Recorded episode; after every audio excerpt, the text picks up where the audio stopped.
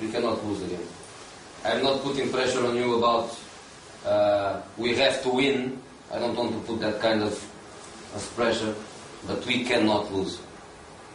We cannot. Då säger vi hallå där och välkomna till avsnitt 28 utav Chelsea-podden. Och ni kan ju nästan gissa vilka det är som är här. Eller? Jag ser ju vilka det är som är här. Så. Jag pratar inte med dig. Okej, okay, du tittade på mig när du frågade vad det var. Svälj, du har en bubbla i halsen. Mm. Viktor, du är här också. Ja. Jag är nygamla miljön i källaren. Ja. Men vi är glada idag ju. Ja, jävligt nöjda. Det var en fantastisk seger där mot City. Ja. Grymt. Nu lever ligan i allra högsta grad. Ja, verkligen. Och vilken match också. Ja. Superbra. vi tänkte, tänkte börja som vanligt i kronologisk ordning. Vi hade ju en inte lika rolig match eh, några dagar innan mot West Ham. Om man sitter skotten 39-1 så kanske vi borde ha vunnit, men det blev ju 0-0. Den lilla bussen. Ja. Ja, det var väl eh, första gången sedan 2004 som ett lag hade så mycket skott i en match i Premier League utan att göra mål. Och ja, det säger väl någonting. Det, det ska man ju bara vinna då. Det är sjukt att vi inte gör det. Vi har ju väldigt många väldigt bra chanser också. Det är Oscars ribbskott, Lampards superchans på slutet och någon Han hade väl två bra lägen chans där också. Det som drar upp skotten är också att de blockade ju sin straffområdeslinje. Vi kunde inte sticka in bollen till anfall så att backarna var till och med tvungna att ta skott. Jag vet inte försök Cahill och Ivanovic hade. Mm. Ja, precis. Många av de där 39 var ju väldigt ofarliga också. Så. 16 var blockade. Mm. Bara det var sjukt. Men West Ham gjorde det bra. Alltså, det, det måste man ge dem. Det, de gör ju helt rätt. Kommer till Stamford Bridge och försvarar den poäng de har med sig. Det är inget fel alls. Sen är det bara trist för oss att vi inte kan vinna matchen. Att vi inte kan göra det där förlösande 1-0 målet. Och de fick ju precis som de ville. Det var så synd också eftersom vi hade kunnat gå i kapp i toppen. Eftersom Arsenal förlorade där. Men vad var det som hände på ett tos mål egentligen? Vet vi om det var avblåst eller? För var efter en hörnsituation, nej, det var när Ba hade varit inne och pillat med foten mot hans händer. Han hävdade väl att domaren aldrig hade blåst någon frispark eller vad? Precis, och det... Ja, det var det jag snabbt framgår inte att han har blåst. Alltså det, det syns inte, även om, om man kollar tillbaka liksom. Så det syns inte. Han visar aldrig något tecken för frispark, blåser aldrig eller så. Men han kan ju ha gjort det när kamerorna Ja, men jag tror att det fanns någon som visade liksom visade det straffområdet hela tiden. Det finns ju en Alltså det ska vara mål egentligen? Ja, det är min uppfattning. För att, jag vet inte om domaren på något sätt hävdar att han liksom säger att det är frispark, men det kan man ju inte riktigt göra. Det, Eller hur? Då ska ju, domare som alla ska, spela alla ska ju uppfatta det liksom. Alla på planen ska ju uppfatta ja. att det är en frispark. Det räcker inte att målvakten gör det. Så, och bollen är ju i spel då fortfarande, så det borde ju ha varit ett mål. Det hade varit ett tåmål i alla fall. så jävla lurig så här vaket ändå också. Ja. Och det måste ju vara rutinen, hans rutin alltså, som gör att han snappar upp sådana här situationer. Och sen hans första fyra steg är ju omänskligt snabba också. det, ja, det var lite surt. Men sen är det inte det det ska falla på, att nej, vi inte får nej. det målet godkänt. Jag vill inte låta som en jävla Liverpool-supporter som skyller på domslut, men surt. Ja. Det har varit ett jävligt roligt mål. Ja, det har varit kul sätt att vinna matchen på. Eller att Lampard har fått avgöra i 97 eller vad klockan var uppe innan han fick oh. den chansen. Ja, det hade ju varit det perfekta mot West Ham också. Så. Ja, vi grät lite på sms där. Det måste man göra. Det var synd. Men vad fan. Eh, det var... Och då kände man ju efter det att, ja men kul. Och så hade man ju inte räknat alls med att komma till City och vinna. Så man kände ju att, att första platsen inte var så jävla nära längre. Nej, det var väldigt oroväckande då när Ja, jag satt och såg Chelsea på datorn på Viaplay och eh, hade City på mot Tottenham på TVn i bakgrunden. Och, så det var riktigt, riktigt oroligt att se City fullkomligt köra över Tottenham. hade kunnat vara så 3-0 efter en kvart och de hade kunnat gjort flera mål. Sen, ja visst, de fick straff och utvisning med sig, men ändå bara körde över Tottenham totalt.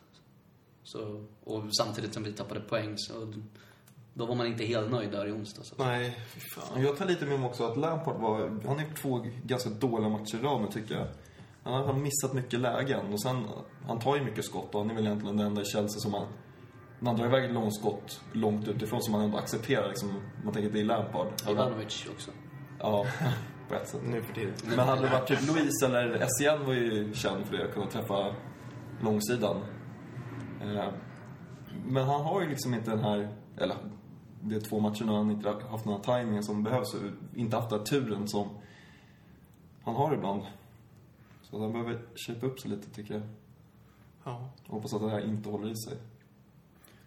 Innan vi bara lämnar West Ham så måste vi ju ta upp det helt ofattbara i att Viasat väljer att visa matchen mellan Stoke och Sunderland på Viasat Sport Jag såg istället debatt för... med vi har satt på Twitter där. Ja, men vad fan. Det är det är inte okej någonstans. Alltså, de, kan, de kan inte rättfärdiga det beslutet. Det finns liksom inte. Guidetti. Visst, Guidetti spelar Som i inte ens Stoke. får spela. Eh, Precis, men alltså han, visst, det finns ett visst svenskt intresse och även, ja men, Sebastian Larsson då. Men oavsett det. Ja men din pappa är ju En typ den person. enda Stoke-supporten i Sverige. Alltså, Stoke och Sunderland kanske har ett par hundra anhängare tillsammans. Chelsea och West Ham har tiotusentals. Ja, West Ham är stora i Sverige också. Ja, de är väl liksom den sjätte, sjunde största Premier League-klubben kanske i Sverige. De har också jättemycket fans. Och det är en match som betyder mycket i båda liksom, ändarna av tabellen. Visst, Sunderland är indragna i bottenstriden och Stoke ligger väl strax ovanför där också. Men det är en betydligt intressantare match. Dessutom ett London-derby. Det, det är så många faktorer som väger in som innebär att matchen Chelsea-West Ham borde vara mycket, mycket mer intressant att tv-sända än matchen Stoke-Sunderland. Speciellt med tanke på att det parallellt spelas en match, en toppmatch mellan Tottenham och Manchester City. Så de enda som kommer kolla på den där Stoke-Sunderland, det är de som håller på någon av de två klubbarna. Ingen kollar på den för att kanske få se Guidetti när de kan sappa upp en kanal och kolla på Tottenham City. Ingen så kallad neutral Men fotbollsälskare om de satt och det. grät där när Guidetti inte fick komma in. Vi har Ja, det hoppas jag fan att de gjorde alltså. De är tvungna att köpa via Play också. Ja. Det, för hellre det än... Jag hade inte det, jag har ju alltid via Play så jag, jag reflekterade inte ens över det. Mm, nej, men det var... Nej, hemskt. Jag förstår din frustration. Mm. Men nu på lördag tv-sänds ju varven mot Newcastle, så Ja. det får man väl vara nöjd med. Tacka fan för det. Det var inte så mycket annat intressant än lördagen såg jag. Nej, det var till och med Liverpool på Arsenal mellan nu Viasat kvart i, kvart i två. Ja. Hoppas man väl att Liverpool tar poänget av Arsenal. På lördag. Ja, det får de gärna göra. Jättegärna. Liverpool är hemma också va? Nej, borta. Är de? Nej. Det är Arsenal-Liverpool. Är inte Liverpool Arsenal? Nej. De har väl mötts på Emirates redan i år? Nej. Jo. Nej.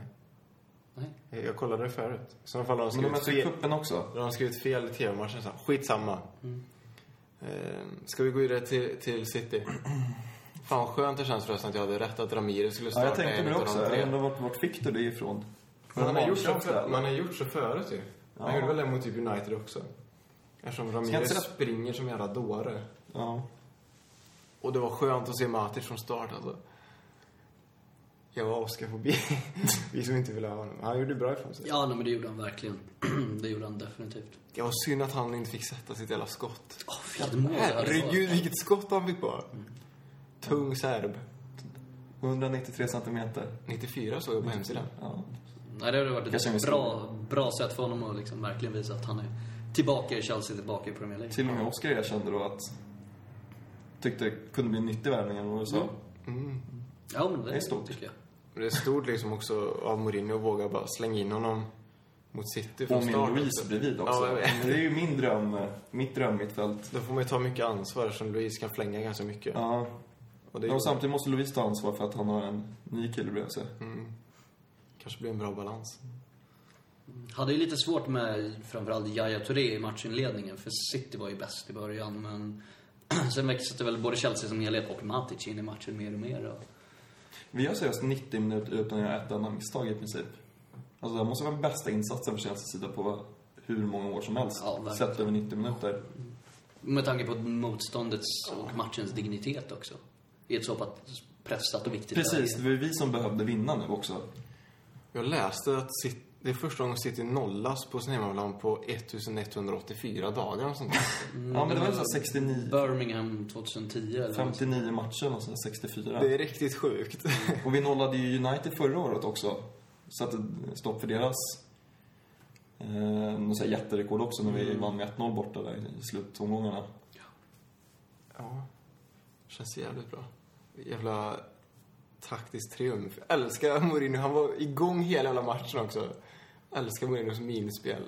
Vem fan var han gjorde brillorna åt? Han gjorde så här. Ja, nu ser inte ni som lyssnar, men jag håller cirklar över ögonen som briller. Det är väl något man brukar göra mot domaren om någon, men... Ja, men jag, tror inte, jag vet inte om domaren gjort något fel just då, eller om han bara fick något ryck. Men det var härligt att se i alla fall.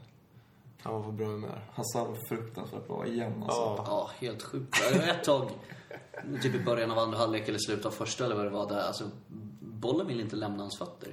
Nej, den gick fastklistrad. Ja. Och Han han gör flera gånger så hittar han William nu också tycker jag. De börjar samspela riktigt bra. Ehm, Fast William saknar det där sista. Det- Ja, men William han är, han är smart. Han är en hyfsat smart spelare. Speciellt tillsammans med Hazard. Jag tror de tänker väldigt likadant. Så har de Ramirez på, liksom, på andra kanten som bara flåsar fram och tillbaks. Ehm, Jävla synd det var det där läget när vi kom fyra mot en eller vad, och så Ramirez fick sista bollen. Fan, jag tänkte nej och det var ju nej. var det William som passade? Ja, jag tror det. Brasse till brasse. Eller, Mm, Ja, men det känns just som att William och Hazard börjar hitta någonting. Något, något bra. Vi har tror jag tio raka vinster när William har startat dem så har vi inte förlorat eller ens tappat poäng. han har startat tio matcher till och med. William måste ha startat tio matcher. Ja, han har ju startat mycket senaste två månaderna. Han är ju gjuten snart den här höger. Ja, nu är han ju det. Mm. Känns bra. Vi har inte fått se Salah än. Nej, han var på bänken va? Ja. Så han Så går ju före Schürrler då, verkar det som. Ja. I varje fall i den matchen. ja. Jag trodde nästan han skulle komma in i slutet för, typ istället för Eto'o bara för att springa ihjäl. Eftersom han är så jävla snabb, bara springa ihjäl försvararna. Men, Men det var ju Dembaba som fick komma in. Första han gjorde var att nicka bort en hörna. Så han är väldigt, Grym. väldigt viktig i den här segern. Jag läst lite att folk tyckte att vi väntade sent med bytena. För första kom ju 83 men sett till matchbilden, man- vi hade ju kontroll på den. Och vi var... Första 60 så var det väl, bortsett från första minuterna, vi som ändå skapade chanserna. Sen började ju City trycka på. Då Ja, blir det ju helt naturligt att vi backar hem lite. Ja, han kom igång sent, Navas. Navas, ja. Men det var skönt. Vi gjorde ju två byten på stopptid. Ja, just det. så jävla härligt. Mm, ja, men det är skönt när man kan göra det. Ofta är det ju tvärtom liksom att det är ens eget lag som ligger på och vill trycka in ett mål och så är det motståndarna som håller på ja, men maskar och drar ut på tiden. Det är kul att man själv kan utnyttja det ibland också. Det var inte så oväntat att Mikael skulle komma in också. Då hade vi Matic. fyra backar, tre defensiva mittfältare, Louise som är halvt back också. Ja. En riktig köttmur. Men det som imponerade mest för mig under matchen var att Alltså vi hade, City vann väl bollinnehavet överlägset, men vi hade så himla bra 65%. bollinnehav. Vi hade alltså, när vi hade bollen gjorde vi någonting med den. Vi hade mycket boll på deras planhalva. Medan de hade problem att skapa någonting och liksom fick rulla runt. Utan vi, vi utnyttjade den bollen vi hade väldigt, väldigt bra. Precis, och det är ju Mourinhos... Liksom vågade gå framåt. Inte att det att vi rullade runt egen backlinje, utan så fort vi hade bollen så bara körde vi och liksom skapade chanser och tryckte på. Och stundtals fick de stå och rensa upp på läktarna från eget straffområde. Det är inte många klubbar som kommer till Etihad och gör sådär. Vi- De kanske hade mer skott, men våra lägen Vi hade var ju betydligt... mål. Hade vi det? Mm. Men våra lägen var ju betydligt farligare också. 6-3 skott på mål till och med. Och sen så gynnades de kanske inte av att Demichelis som spelade defensiv mittfältare, han är ju så jävla dålig. Men hade, hade han spelat i vårt lag hade jag slutat hålla på Chelsea. Ja, men vi har ju lite tur med att Ag- Agüero är borta för att nu har de Navas och Dzeko mot Cahill och eh, Terry. Plus att Matic och Lise båda och två också fantastiska huvudspelare. Eh, så det blir ju lite i deras svar. Ja, precis. Eh, hade Mats Dzeko hade han kanske kunnat riva sönder våra mittbackar på ett helt annat sätt. Och vi ser också vem som kommer vara ordinarie vänsterback från och med nu. Jag tror inte han startar med Aspilicueta för skojs skull i Nej, men han var City. grym igår Ja. också. Alltså, han stoppade ju Zabaleta där va. Men med hela backlinjen och defensiva Alla var fan så- Från, ja precis. Och Cahill var ju supermonstret tillbaka också. Det skulle kunna bli en hyllningspodd där till alla, men... Men jävlar vad kul det. Ja, men det nu börjar man ju se tydligt också att vårt spel... Nu kommer någon här. Skitsamma. Eh, vårt, vårt omställningsspel, det är ju så här det kommer se ut. Vi kommer inte ha jättemycket boll och jag vi är inget större fan av det här handbollsanfallet man står och rullar runt för att vi har inte tillräckligt bra anfallare som vi kan sticka in bollen på. Eh, och det var ju det här eh, som man lirade i Real också. Folk kritiserade honom för att han hade sådana stjärnor men han ligger ändå på rulle och liksom kontrar eller omställningsspel som man kanske kan kalla det istället. Och inför ett Champions League, men nu har man ju tappat respekten för bra många motståndare. Nu känns det som att vi kan ta oss an egentligen vilka som helst. För att vårt spel håller. Liksom, vi slår City borta. Utan problem egentligen på ett sätt. Men vi kan få in två bollar till. Och vi neutraliserar dem på ett fantastiskt sätt. Ja, det var ju en väldigt rättvis seger. Det råder det inga tvivel om. Bara vi låter massören få ha peptalk innan matchen så ska det nog... Tror ni på det? Alltså, Nej, eller, verkligen inte. han, sa, han, hade Han fick väl säga några ord säkert. Ja. Ja. Ta dem med en nypa salt. svar ja.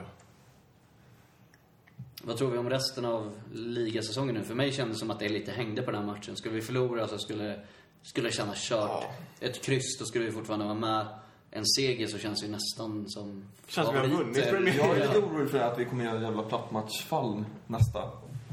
Efter en sån här seger så känns det som att det blir lätt... Ja, tror du att de har stjärnor? Men det som är bra att det går, det var match i måndags och det är match på lördag. Det är ändå, det går några dagar. Det är inte onsdag, lördag som det brukar kunna vara efter det Europamatchen när man har gjort någon bragd där och kommer tillbaka till liksom ligalunken och möter något tråkgäng. Newcastle. Ja, Så det men, här kändes inte som en ligamatch. Det här känns som så mycket större på något sätt. Speciellt innan matchen. Upphypat till tusen. Jag sa väl det till dig efter en minut tyckte jag det kändes som en bortamatch Ja. i Champions League. För det lät som så på läktarna typ. Och de hade sån jävla fart första minuten City och vi liksom fick bara slå emot. Så då kändes det som att så här, det här kommer sluta åt helvete verkligen. Men det löste ju sig. Det löste sig så jävla bra. Ja, de, var, de skapade en farlig chans där till i första. Det var väl egentligen det de hade. Den där, det var Kolarov som slog inlägget. Svepande parallellt med vår backlinje som eh, Jaja störtade på. Ja. Och det är där jag saknar våra anfallare. Tog hade, när Tog sköt i ribban, då kom han ju liksom från fel håll. Hade, han kom ju från straffpunkten in, då hade han förmodligen bara kunnat grotta in den bollen. Ja, det var väl, var det William eller Ramirez som var inne på första... I första Ja, just det. Det var inte ens en anfallare på första stopp med.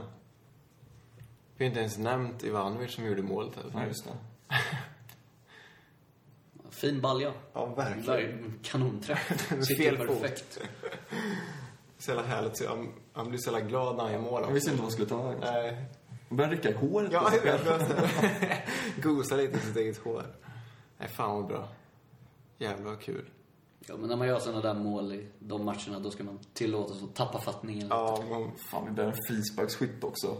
Så som nu är Louise vår första frisparksskytt när Lampard är borta. Och... Alois första frispark var ju ing- ingen rolig alltså. Sen hade han en i muren och året. senare också. Han, må, han måste ha noll självförtroende när han går fram och klipper till bollen. Han hade den mot West Ham som var jäkligt bra. Stenhårda, men... Den var på mål i alla fall. Och Check gjorde avgörande räddning på Silvas frispark till exempel. Som är en riktigt bra räddning. Och Fernandinhos skott där hoppade fick... Fernandinho spelade inte ens. Nej, vad heter han? Han... Jugga... Nej, Montenegro. Jovetic. Jovetic. Någon som han såg ut som en smal Måns det fastade. En lång man möjligtvis. Ja. ja, men den bollen fick en sån äcklig liten wobbel i luften så att det såg ut som att Check höll på att gå förbi den, men fick hoppa tillbaks lite. Och sen hörnorna i slutet är jobbiga. Ja. Men då hade vi bara på första stolpen. Precis. Det var det som avgjorde. Han jag tänkte dra ett dåligt, dåligt skämt som Victor, med, jag, jag, lät bli. Men vad fan, har vi något mer att ta upp från, från City-matchen? Victor, kan du ta din jävla ring så jag slipper höra i ljudet hela tiden? Tack. Ni får stå ut med Victor. Han får inte vara med mer efter avsnittet. Det säger jag efter varje avsnitt. Men vi tänkte gå vidare och jag vill säga, betona återigen det. Jag tycker det är så jävla roligt att ni, att ni skickar in frågor och grejer. Asglad blir vi. Så tack för det.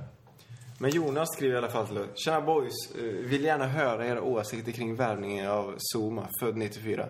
Sent på året dessutom. Tycker ni att det är en bra, dålig värvning? Behövs han? Såg en match i höstas när saint Etienne mötte PSG. Då hade Zuma Zlatan i sin bak bakficka. Hans fysiska egenskaper är fenomenala och skulle passa perfekt i Premier League. Men vi har redan Terry K, Luis Ivanovic samt talangerna Callas och och mer... Åh, vilken lång fråga. Av det sett är det en framtida världsbank, men vad tycker ni? Kul värvning, tycker jag. Vi efterlyste det i sista podden innan Silverfönstret stängde. Att jag hade gärna sett någon som, någon ung lovande som inte vill gå rakt i första laget. Och nu så han är väl utlånad året ut. Och förmodligen även nästa kanske. Förhoppningsvis i England då. Som vi alltid återkommer till. Känns tryggt ändå att vi har ett mittenlag i Premier League utlånat till resten av världen, Ja. typ. Om vi skulle ställa upp med det. Jag, har värvat honom ett antal gånger på FM, men det är väl ingen som vill höra. Nej, helt ointressant. Men det, det är väl, han kan väl bli jävligt bra. Och Terry lär väl inte vara på topp så jävla länge till heller. Nej. Även om han är riktigt, riktigt bra just nu Ja, jag så vet, börjar han alltså- bli gammal. Han har ju några år på nacken nu. Så, ja, får se. Om han kommer tillbaka till sommaren eller om han blir utlånad direkt igen. Vilket han förmodligen blir. Eh, Men Linus skriver, hur länge får vi behålla Hazard? Har han ett pris? Kan han bli bäst i världen? Hur ska Chelsea få honom att bli legend i klubben? Säg ja, ja på de två första frågorna. Alla har ett På pris. hur länge säger du ja? Nej. Vad är det för Hur länge får vi behålla Hazard? Han har ja. ett pris, självklart. Eh, han kan bli bäst i världen. Ja. Hybris kanske.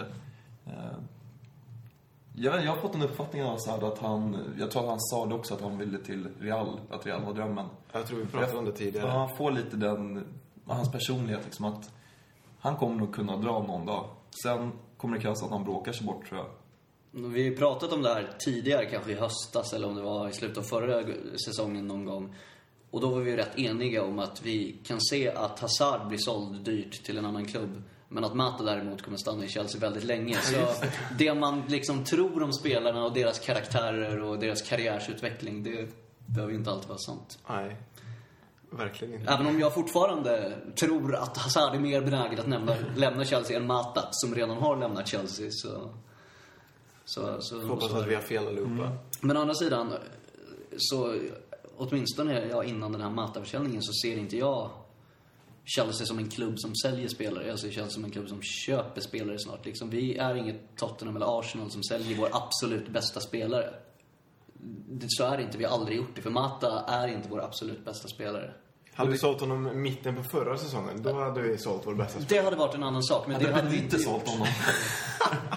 Ja men precis, det hade varit en annan sak. Jag menar vi har inte, aldrig egentligen, eller liksom senaste, även sen innan Abramovic kom in har vi, vi har inte sålt våra bästa spelare. Det var, vi har sålt en skadad Arjen Robben till Real Madrid, men utöver det så har vi behållit alla våra bästa spelare, alltid. Och sen kan det ju vara så att eh, Hazard kanske har haft en liten kärlek till Real sen han var ung. Och så om fem, fyra, fem år, Real kanske inte är på topp då. De kan vara ett... De kommer aldrig bli dåligt, men de kan vara ett lag som åker ganska tidigt i Champions League och då vet jag inte hur sugen han är på gå dit. Och sen så tror jag att han och Mourinho kommer kunna få en grymt bra relation. Eh, så faran är väl om Mourinho skulle försvinna om två, tre år. Att Hazard känner att nu är jag klar här, nu jag har inte kvar Mourinho. Det är dags för mig att röra på mig också. Men vi får hoppas att den inte kommer. Jag får hoppas han stannar länge. Lika länge som Ferguson. Om det går lika bra som för Ferguson. Hazard? Nej, Mourinho. Jaha. Jaha, jag trodde du pratade om Hazard. Jag Nej, så fan- länge, så länge det... Men han har väl indikerat på det, liksom att nu... Att han känns lite färdig, att nu vill han liksom ha ett lag ett längre tag och verkligen få bygga något eget från grunden. Jag hoppas det. Ja, det hoppas vi.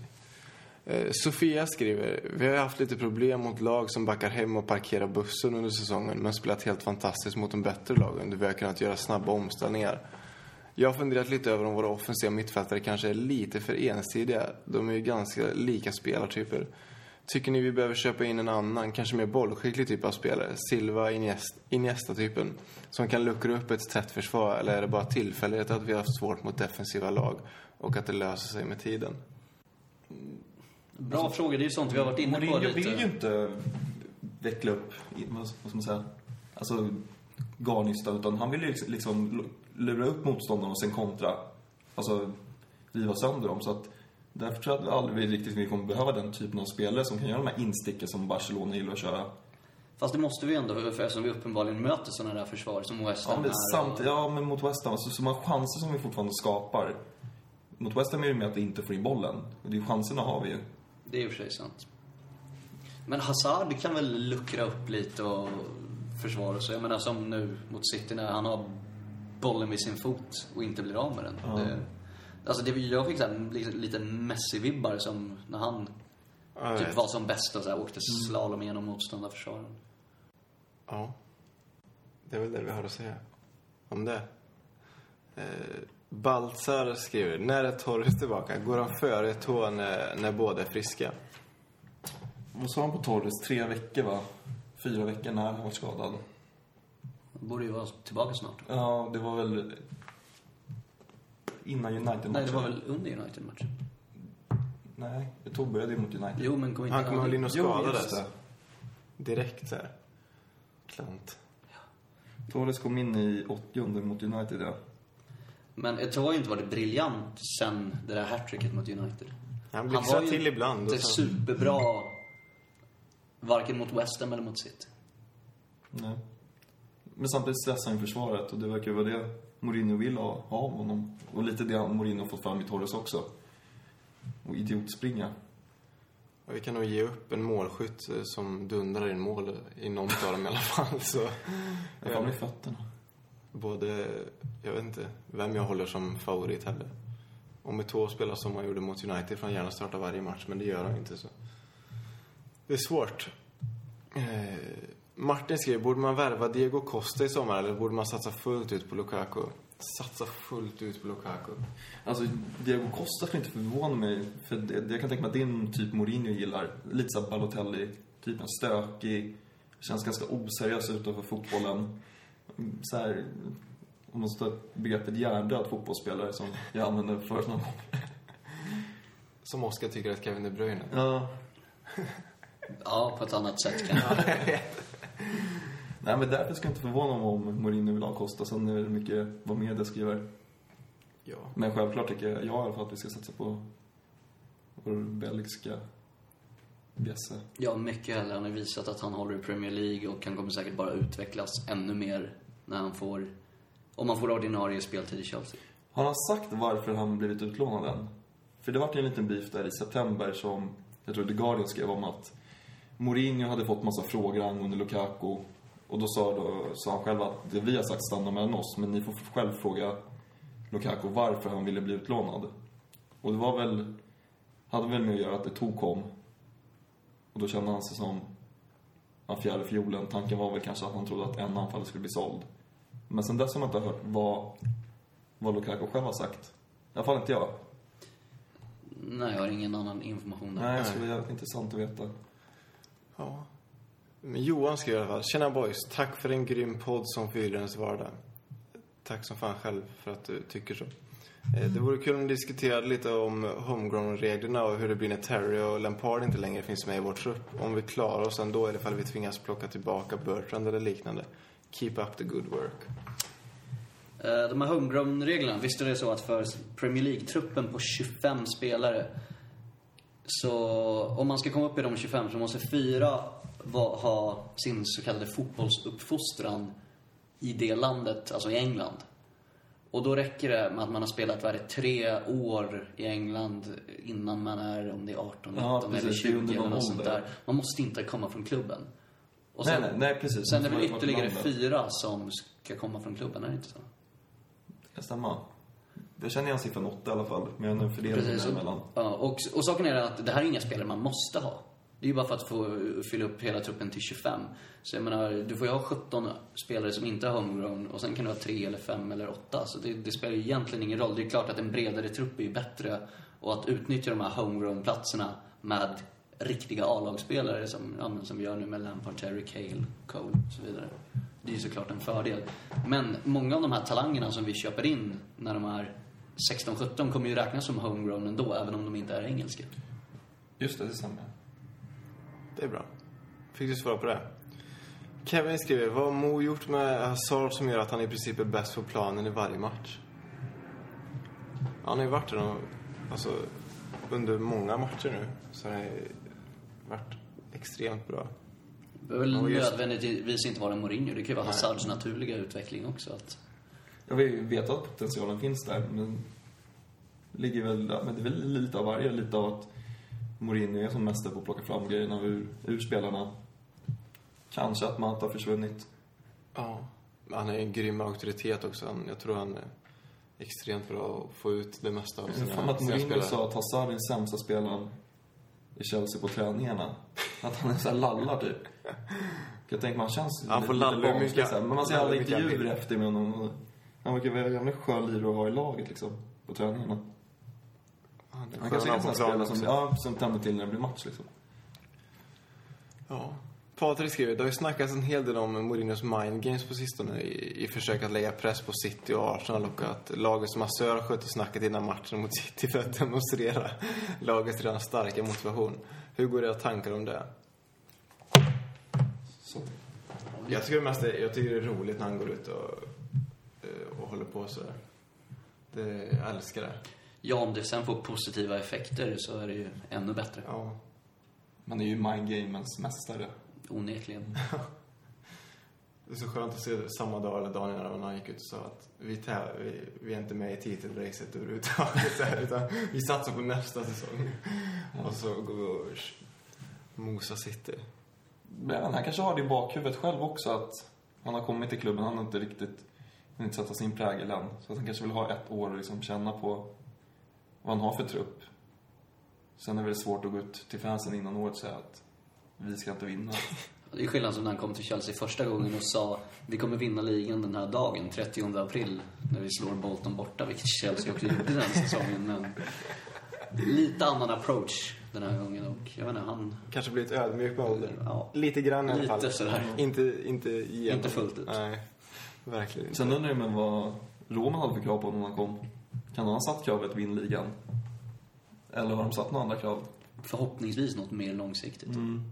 Det- det vore ju väldigt Det Mourinho ser också liksom att han vet att han behöver inte vinna ligan i år. På ett sätt. Jag skulle kunna tro att det kan ha varit ett villkor för att Mourinho skulle komma tillbaka, att få lite mer tid. Att inte ha några skyhöga krav direkt. Och som det är det han har pratat om tidigare, om liksom, topp fyra, att det är första målet. Att, Men An- Ancelotti vart ju sparkad väl av, från, efter en andra plats. Jobbigt om det skulle hända Mourinho första året. Ja, Tyvärr. Shit, sorry. Hejdå. Mm. Nej, så tror jag inte att det blir. Eh, Anders skriver, hur mycket skulle, skulle ni kunna betala för att få Cavani till oss? Enligt mig är han den helt perfekta anfallaren. Om det inte blir Costa, Falcao eller Cavani som kommer, vem tror ni då? Jag tror tyvärr att Lukaku inte har en framtid hos oss. Vad tror ni? Jag skulle... Köpa Cavani från PSG skulle väl inte vara... Har vi har råd med i alla fall, vi som sitter här. Man kanske med Chelsea. antagligen. Idiot. Det lät som du skulle få... Nej men, eh, ingen aning. PSG är väl inte, de sitter i samma sitt som oss, de behöver inte sälja. Ska de bli av med spelare så måste de antingen inte vara deras bästa eller bråka sig därifrån. Eh, Jag skulle inte... Om vi skulle värva honom så skulle det bli för eh, säkert 450 miljoner eller någonting. Jag tycker inte att det är värt det när vi har Lukaku. Ja. Bättre att satsa på Lukaku som första anfall och sen så värva någon, någon som inte liksom är superstjärna i sådana fall. Så tycker jag i alla fall. Håller med. Jag skulle hellre ha Cavani i laget än Falcao. Jag såg Cavani så Falcao är skadad nu så det skulle jag också. Ja, förra året, tror jag var. Och där snackar vi om någon som springer och jobbar. Och det han är lite... Jag tycker att han är lite lik Rooney-anfallaren som liksom tar hem jobbet i många lägen. Och det vara det Mourinho vill ha. Sen har han ju ett bättre skott än vad alla våra anfallare har. Han är lite snabbare än alla våra anfallare är. Det är inte så jävla svårt i och för sig. Nej. Så, ja. Skulle vi inte ha Lukaku nästa år, då skulle jag nog, om jag fick önska själv, en Cavani. Men Får se. Henrik skriver, nytt kontrakt för Terry. Ja. Eh, Simon skriver, värvningen av Salah, nyttig eller bara en styrkedemonstration? Infasandet av spelare från juniorlaget och utlånade spelare till startelvan. Går att spela sig till en plats i startelvan som ung spelare nu? Och hur ska vi utnyttja den maximala potentialen av unga spelare? Det är ju ett evigt återkommande problem i en klubb som Chelsea och kanske mer i Chelsea än i andra klubbar i samma liksom, storleksnivå. För att man har liksom inte tiden och tålamodet att låta en lovande ung spelare få ett par chanser utan det här ska, det ska levereras direkt. fråga Josh. Och problemet är ju också att man har visst tålamod och ger visst tid, viss tid till spelare som har köpts dyrt. Typ Torres. Ja. Shevchenko och så vidare. Det är liksom, de får chansen om och om igen. Men en ung lovande spelare får inte chansen om och om igen. För att där har man ingen investering som man måste liksom få ut någonting av. Man har ingen prestige heller att vi har köpt den här spelaren för 50 miljoner från någon jävla skitklubb liksom. Och att då ska vi... 50 miljoner pund då. Och då, liksom, då måste de leverera. Utan det, det har man ju inte med en ung spelare. Då, då får man...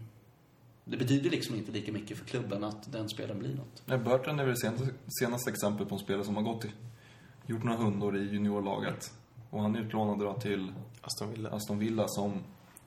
Och han var tredje, tredje valet åt oss, va? Efter Ja. Aspelid och Cole. Ja. Så det visar ju hur svår konkurrensen är där. Ja, det är ju svintufft ju. Nästan till omöjligt. Så ja, får se hur vi löser det. Man får väl se till att välja rätt spelare kvar så vi slipper göra som med Matic och köpa tillbaka honom för dyra pengar. Man kanske aldrig hade blivit lika bra i Chelsea? Nej, kan man aldrig säga. Nej. Eh, Samuel vill att vi ska eh, eh, motivera våra favorittröjor genom åren. Om du går in på bilder så ser du det. Vi hade ett avsnitt där vi faktiskt gick igenom allt det här. Så har vi lagt upp bilder där vi har skrivit eh, och lagt upp. Så kika där. Och sen så undrar han, eh, Oskar, vart kommer din silly season-fobi ifrån? Har du traumatiska minnen från din barndom? Nej, men det är väl... Jag var intresserad av Silly Season förut och jag liksom skötte uppdateringen av Silly Season-spalten på Svenska fans i några somrar och januarifönster där, säg runt 2005, 2006 kanske. Men sen, jag vet inte, jag har tröttnat dels för att jag ser rätt lite fotboll som inte är Chelsea. Så många av de här spelarna som ryktas om vet jag inte ens vilka det är. Och då blir det rätt ointressant.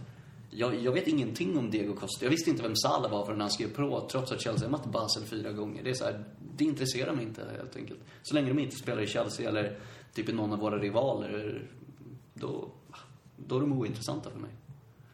Och sen är det så jävla mycket rykten också, så man, man orkar inte med att ta Ja, men in speciellt allt. nu med Twitter och alltså, man får uppdatering hela Ja, tiden. precis. Det finns så många olika typer av medier. Det är silly season-bloggar och liksom allt möjligt. Som bara, Podcaster och... ja, som bara spottar ut sig saker och ting som man ska förhålla sig till. Det, det blir jobbigt att bara hänga med. Precis, Det var ju bättre förr när man fick sin dagliga dos liksom i typ Sportbladet.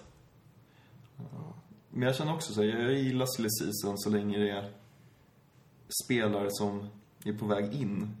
Men så fort det börjar ryckas i spelare ut, då mår man bara illa. Då vill man bara att de här dagarna ska ta slut. Speciellt när man vet att 98% av allt som sägs är... Det kommer inte att ske. Nej. Alltså det, ja, vad ska man då lägga energi på någonting? Det, det känns bara meningslöst. Och sen så här, ett lag behöver en mittfältare. Vilka mittfältare finns tillgängliga? Ja, då tar man tre namn och så placeras de i klubben. Alltså det krävs så lite för att skapa ett rykte. Exakt.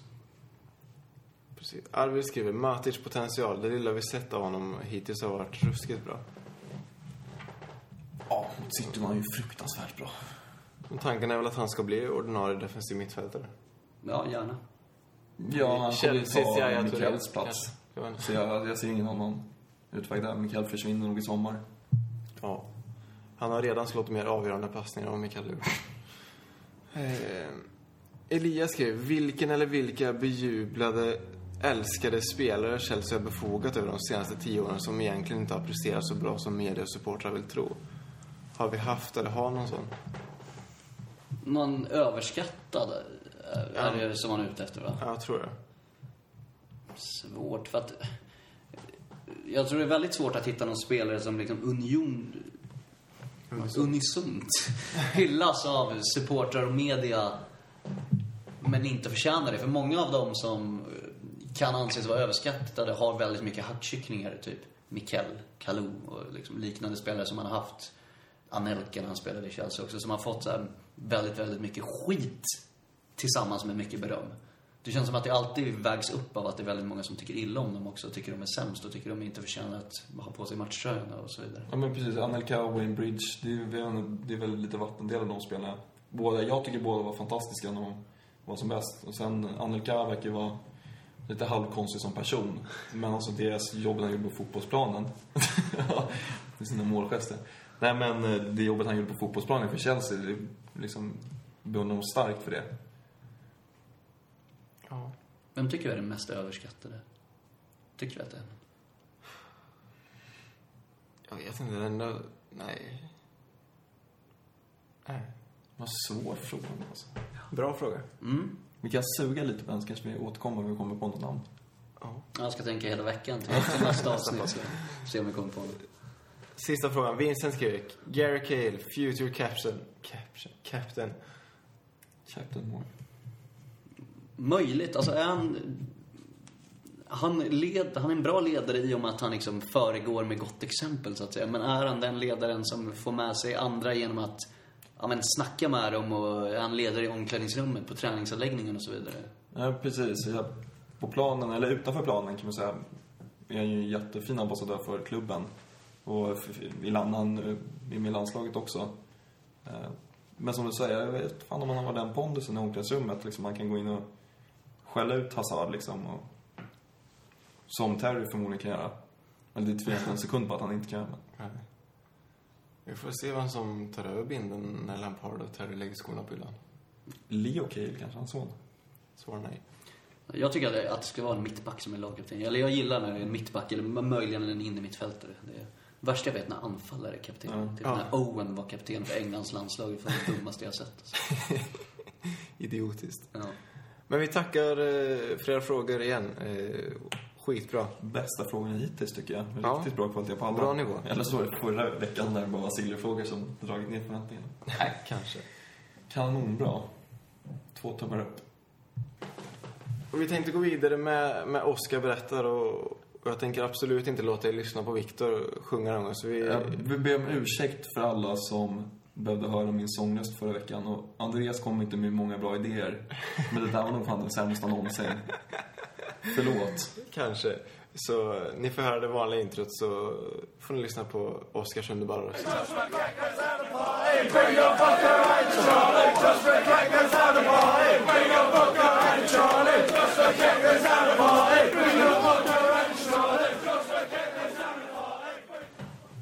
Ja, och med tanke på den fina segern här mot City i måndags så började jag fundera lite på om man skulle ha någon City-koppling i veckans Oscar-berättare. Jag tänkte tillbaka på lite klassiska matcher mot City och kom... Jag trodde jag hade raderat mina anteckningar på telefonen här vars.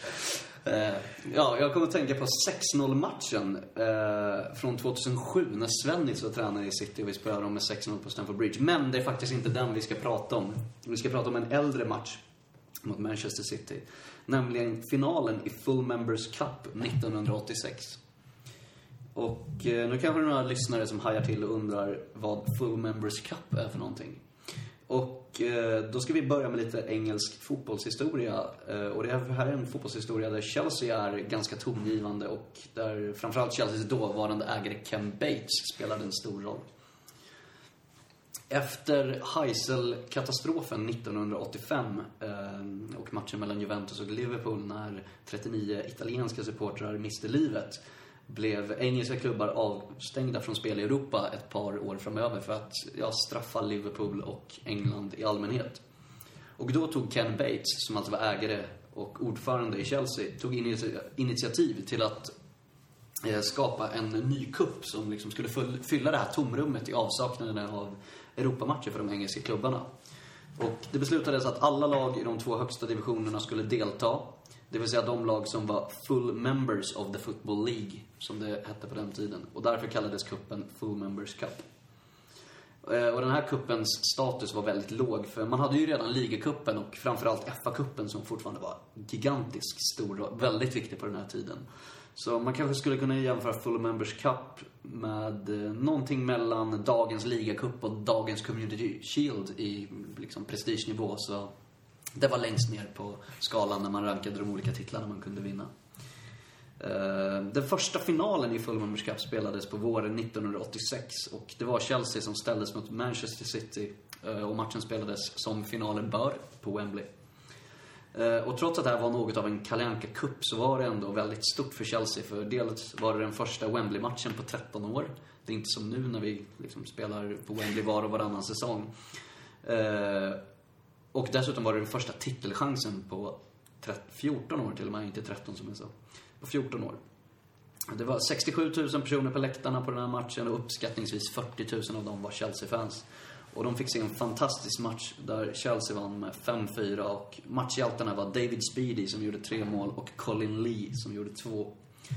Och ja, trots att det kanske inte var någon... Det var ingen FA-cup, det var framförallt ingen ligatitel, men det var ändå en titel som Chelsea fick vinna under det annars väldigt, eller åtminstone stundtals väldigt mörka 80-talet för Chelsea. Eh, fyra år senare var det dags för en ny final för Chelsea på Wembley i Full Members Cup. Eh, 76 000 personer kom till Wembley och såg när Chelsea slog Middlesbrough med 1-0. Tony Dorigo gjorde matchens enda mål på frispark den gången. Eh, och Full Members Cup varade till 1992. När eh, de engelska klubbarna var välkomna i Europa igen så la man helt enkelt ner den här kuppen För det hade inte varit någon riktig succé heller. Det var de här två finalerna som innehöll Chelsea som var de som drog riktigt stora eh, publiksiffror till Wembley medan de andra finalerna mm, runt om var intresset betydligt svalare.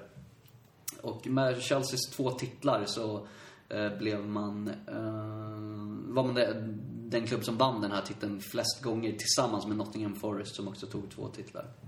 Men eh, det brukar debatteras lite om de här titlarna ska egentligen räknas i Chelseas historia eller inte.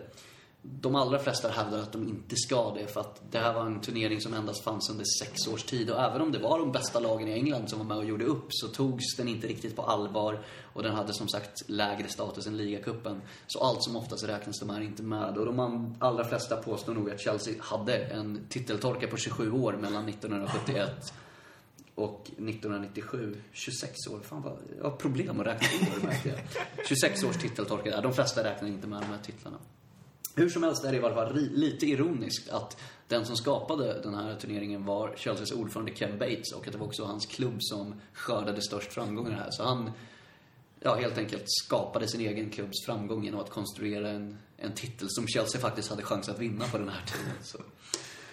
Men frågan är alla Chelsea-fans som var på Wembley den där äh, vårdagen mot City och fick se Chelsea göra fem mål mot Citys fyra. De, de var nog väldigt nöjda i varje fall på den tiden. De räknar den här titeln. Ja, det gör de. Med all rätt kanske. Eh, Bra. Vi kul lite, lite mer historia på benen. Det är alltid härligt. Absolut. Och vi kommer inte lägga upp några highlights från den här matchen på vår Facebook-sida. För att vi, vi vet att vi aldrig kommer ihåg att göra det ändå. Så. Kom ni inte ihåg det förra veckan heller? Nej. Och då skulle ni lägga upp två veckors. Tre veckor. Vi har fortfarande inte lagt upp för Nej. fem Men vi Du vi får fixa ett klipp innan så, så löser det sig. Vi ska ju tippa resultat Men man vill ju inte lägga upp klippet när vi spelar in. För att då blir det så här, då kommer inte de... Då har ju vi spoilat Oscar berätta Ja. också. Nej men alltså, du fixar inte med en länk till mig innan så jag har det redo. Skitsamma. Vi har match på lördag igen. Eh, mot Newcastle som har tappat sin bästa spelare. också. Och alla minns väl hur det gick sist vi mötte Newcastle? Ja, förlust 2-0. När Andreas var sent i bryggeriet. Vad sen va? Det var sen matchen. Det har vi tagit upp tidigare. Vi släpper det. Vad fan gjorde jag? Du stod och rökte. Ja, just det. ja. Jag bad om ursäkt till mamma. Eh, ja, jag- jag tror inte det blir en repris på den matchen. Eller jag vet att det inte blir. Nej, vi Sa vi inte för den matchen att vi åkte upp med ganska bra självförtroende? Jo, det sa vi. Och det säger vi ju ofta. Varje match. Men nej, vi kommer ju inte förlora med 2-0. Det finns ju inte, men... Och, alltså man pratar ju ibland, speciellt som vi var inne på lite tidigare, efter så här storsegrar ute i Europa, om så här European hangover, så att man kommer tillbaka till ligaspelet på helgen och tappar poäng mot ett motstånd som man egentligen är bättre än. Men jag tror inte riktigt att det kommer bli en sån den här gången eftersom det har gått så pass många dagar från matchen och eftersom båda trots allt ändå var ligamatcher. Så det är inte riktigt samma som att man har slagit ut Barcelona ur Champions League eller slagit ut Napoli eller vad det kan vara. Vi kommer nog se lite frustration i truppen också, kan jag tänka mig. Ja, vi är match. Tror ni Sada får spela? Jag hoppas det. Jag vill se honom lira lite. Ja, men vi ser honom och vad han går för, hur snabb han är egentligen på sin kant. Vad han kan göra med bollen. Han är snabb. Jag gillade honom bättre när han hade lite mer krulligt hår. Det ser ut som han har klippt sig nu sen vi mötte dem i Europa League. Ja, Okej, han kanske inte får spela på grund av det då. Nej, men eftersom vi har ju två matcher så tajta, vad sa du? Lördag, lördag, tisdag va? Ja, vi har West Brom på tisdag. Tisdag, ja. Så kan vi nog räkna med. Kanske Mikael liksom startat mot mittfält igen.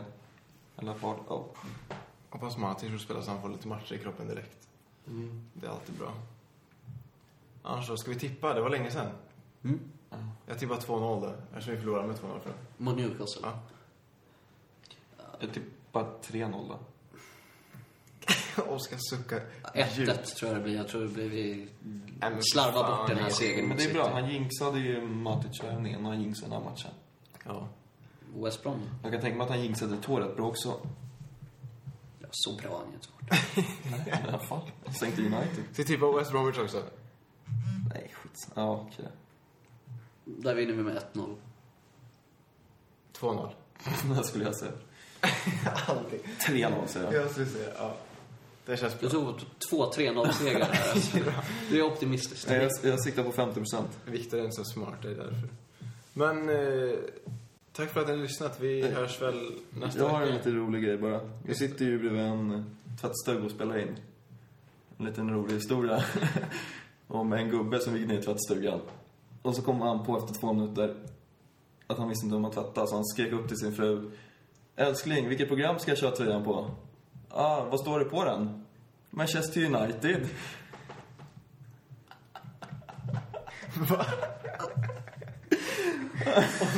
Oskar ser helt förstörd Ja, men jag menar, vad står det på tvättlappen? Ja, vi förstår. Men vad fan, var det roligt att han säger United? Ja, vad korkat. Okej. Is your name Ashley? Because you're too young for me.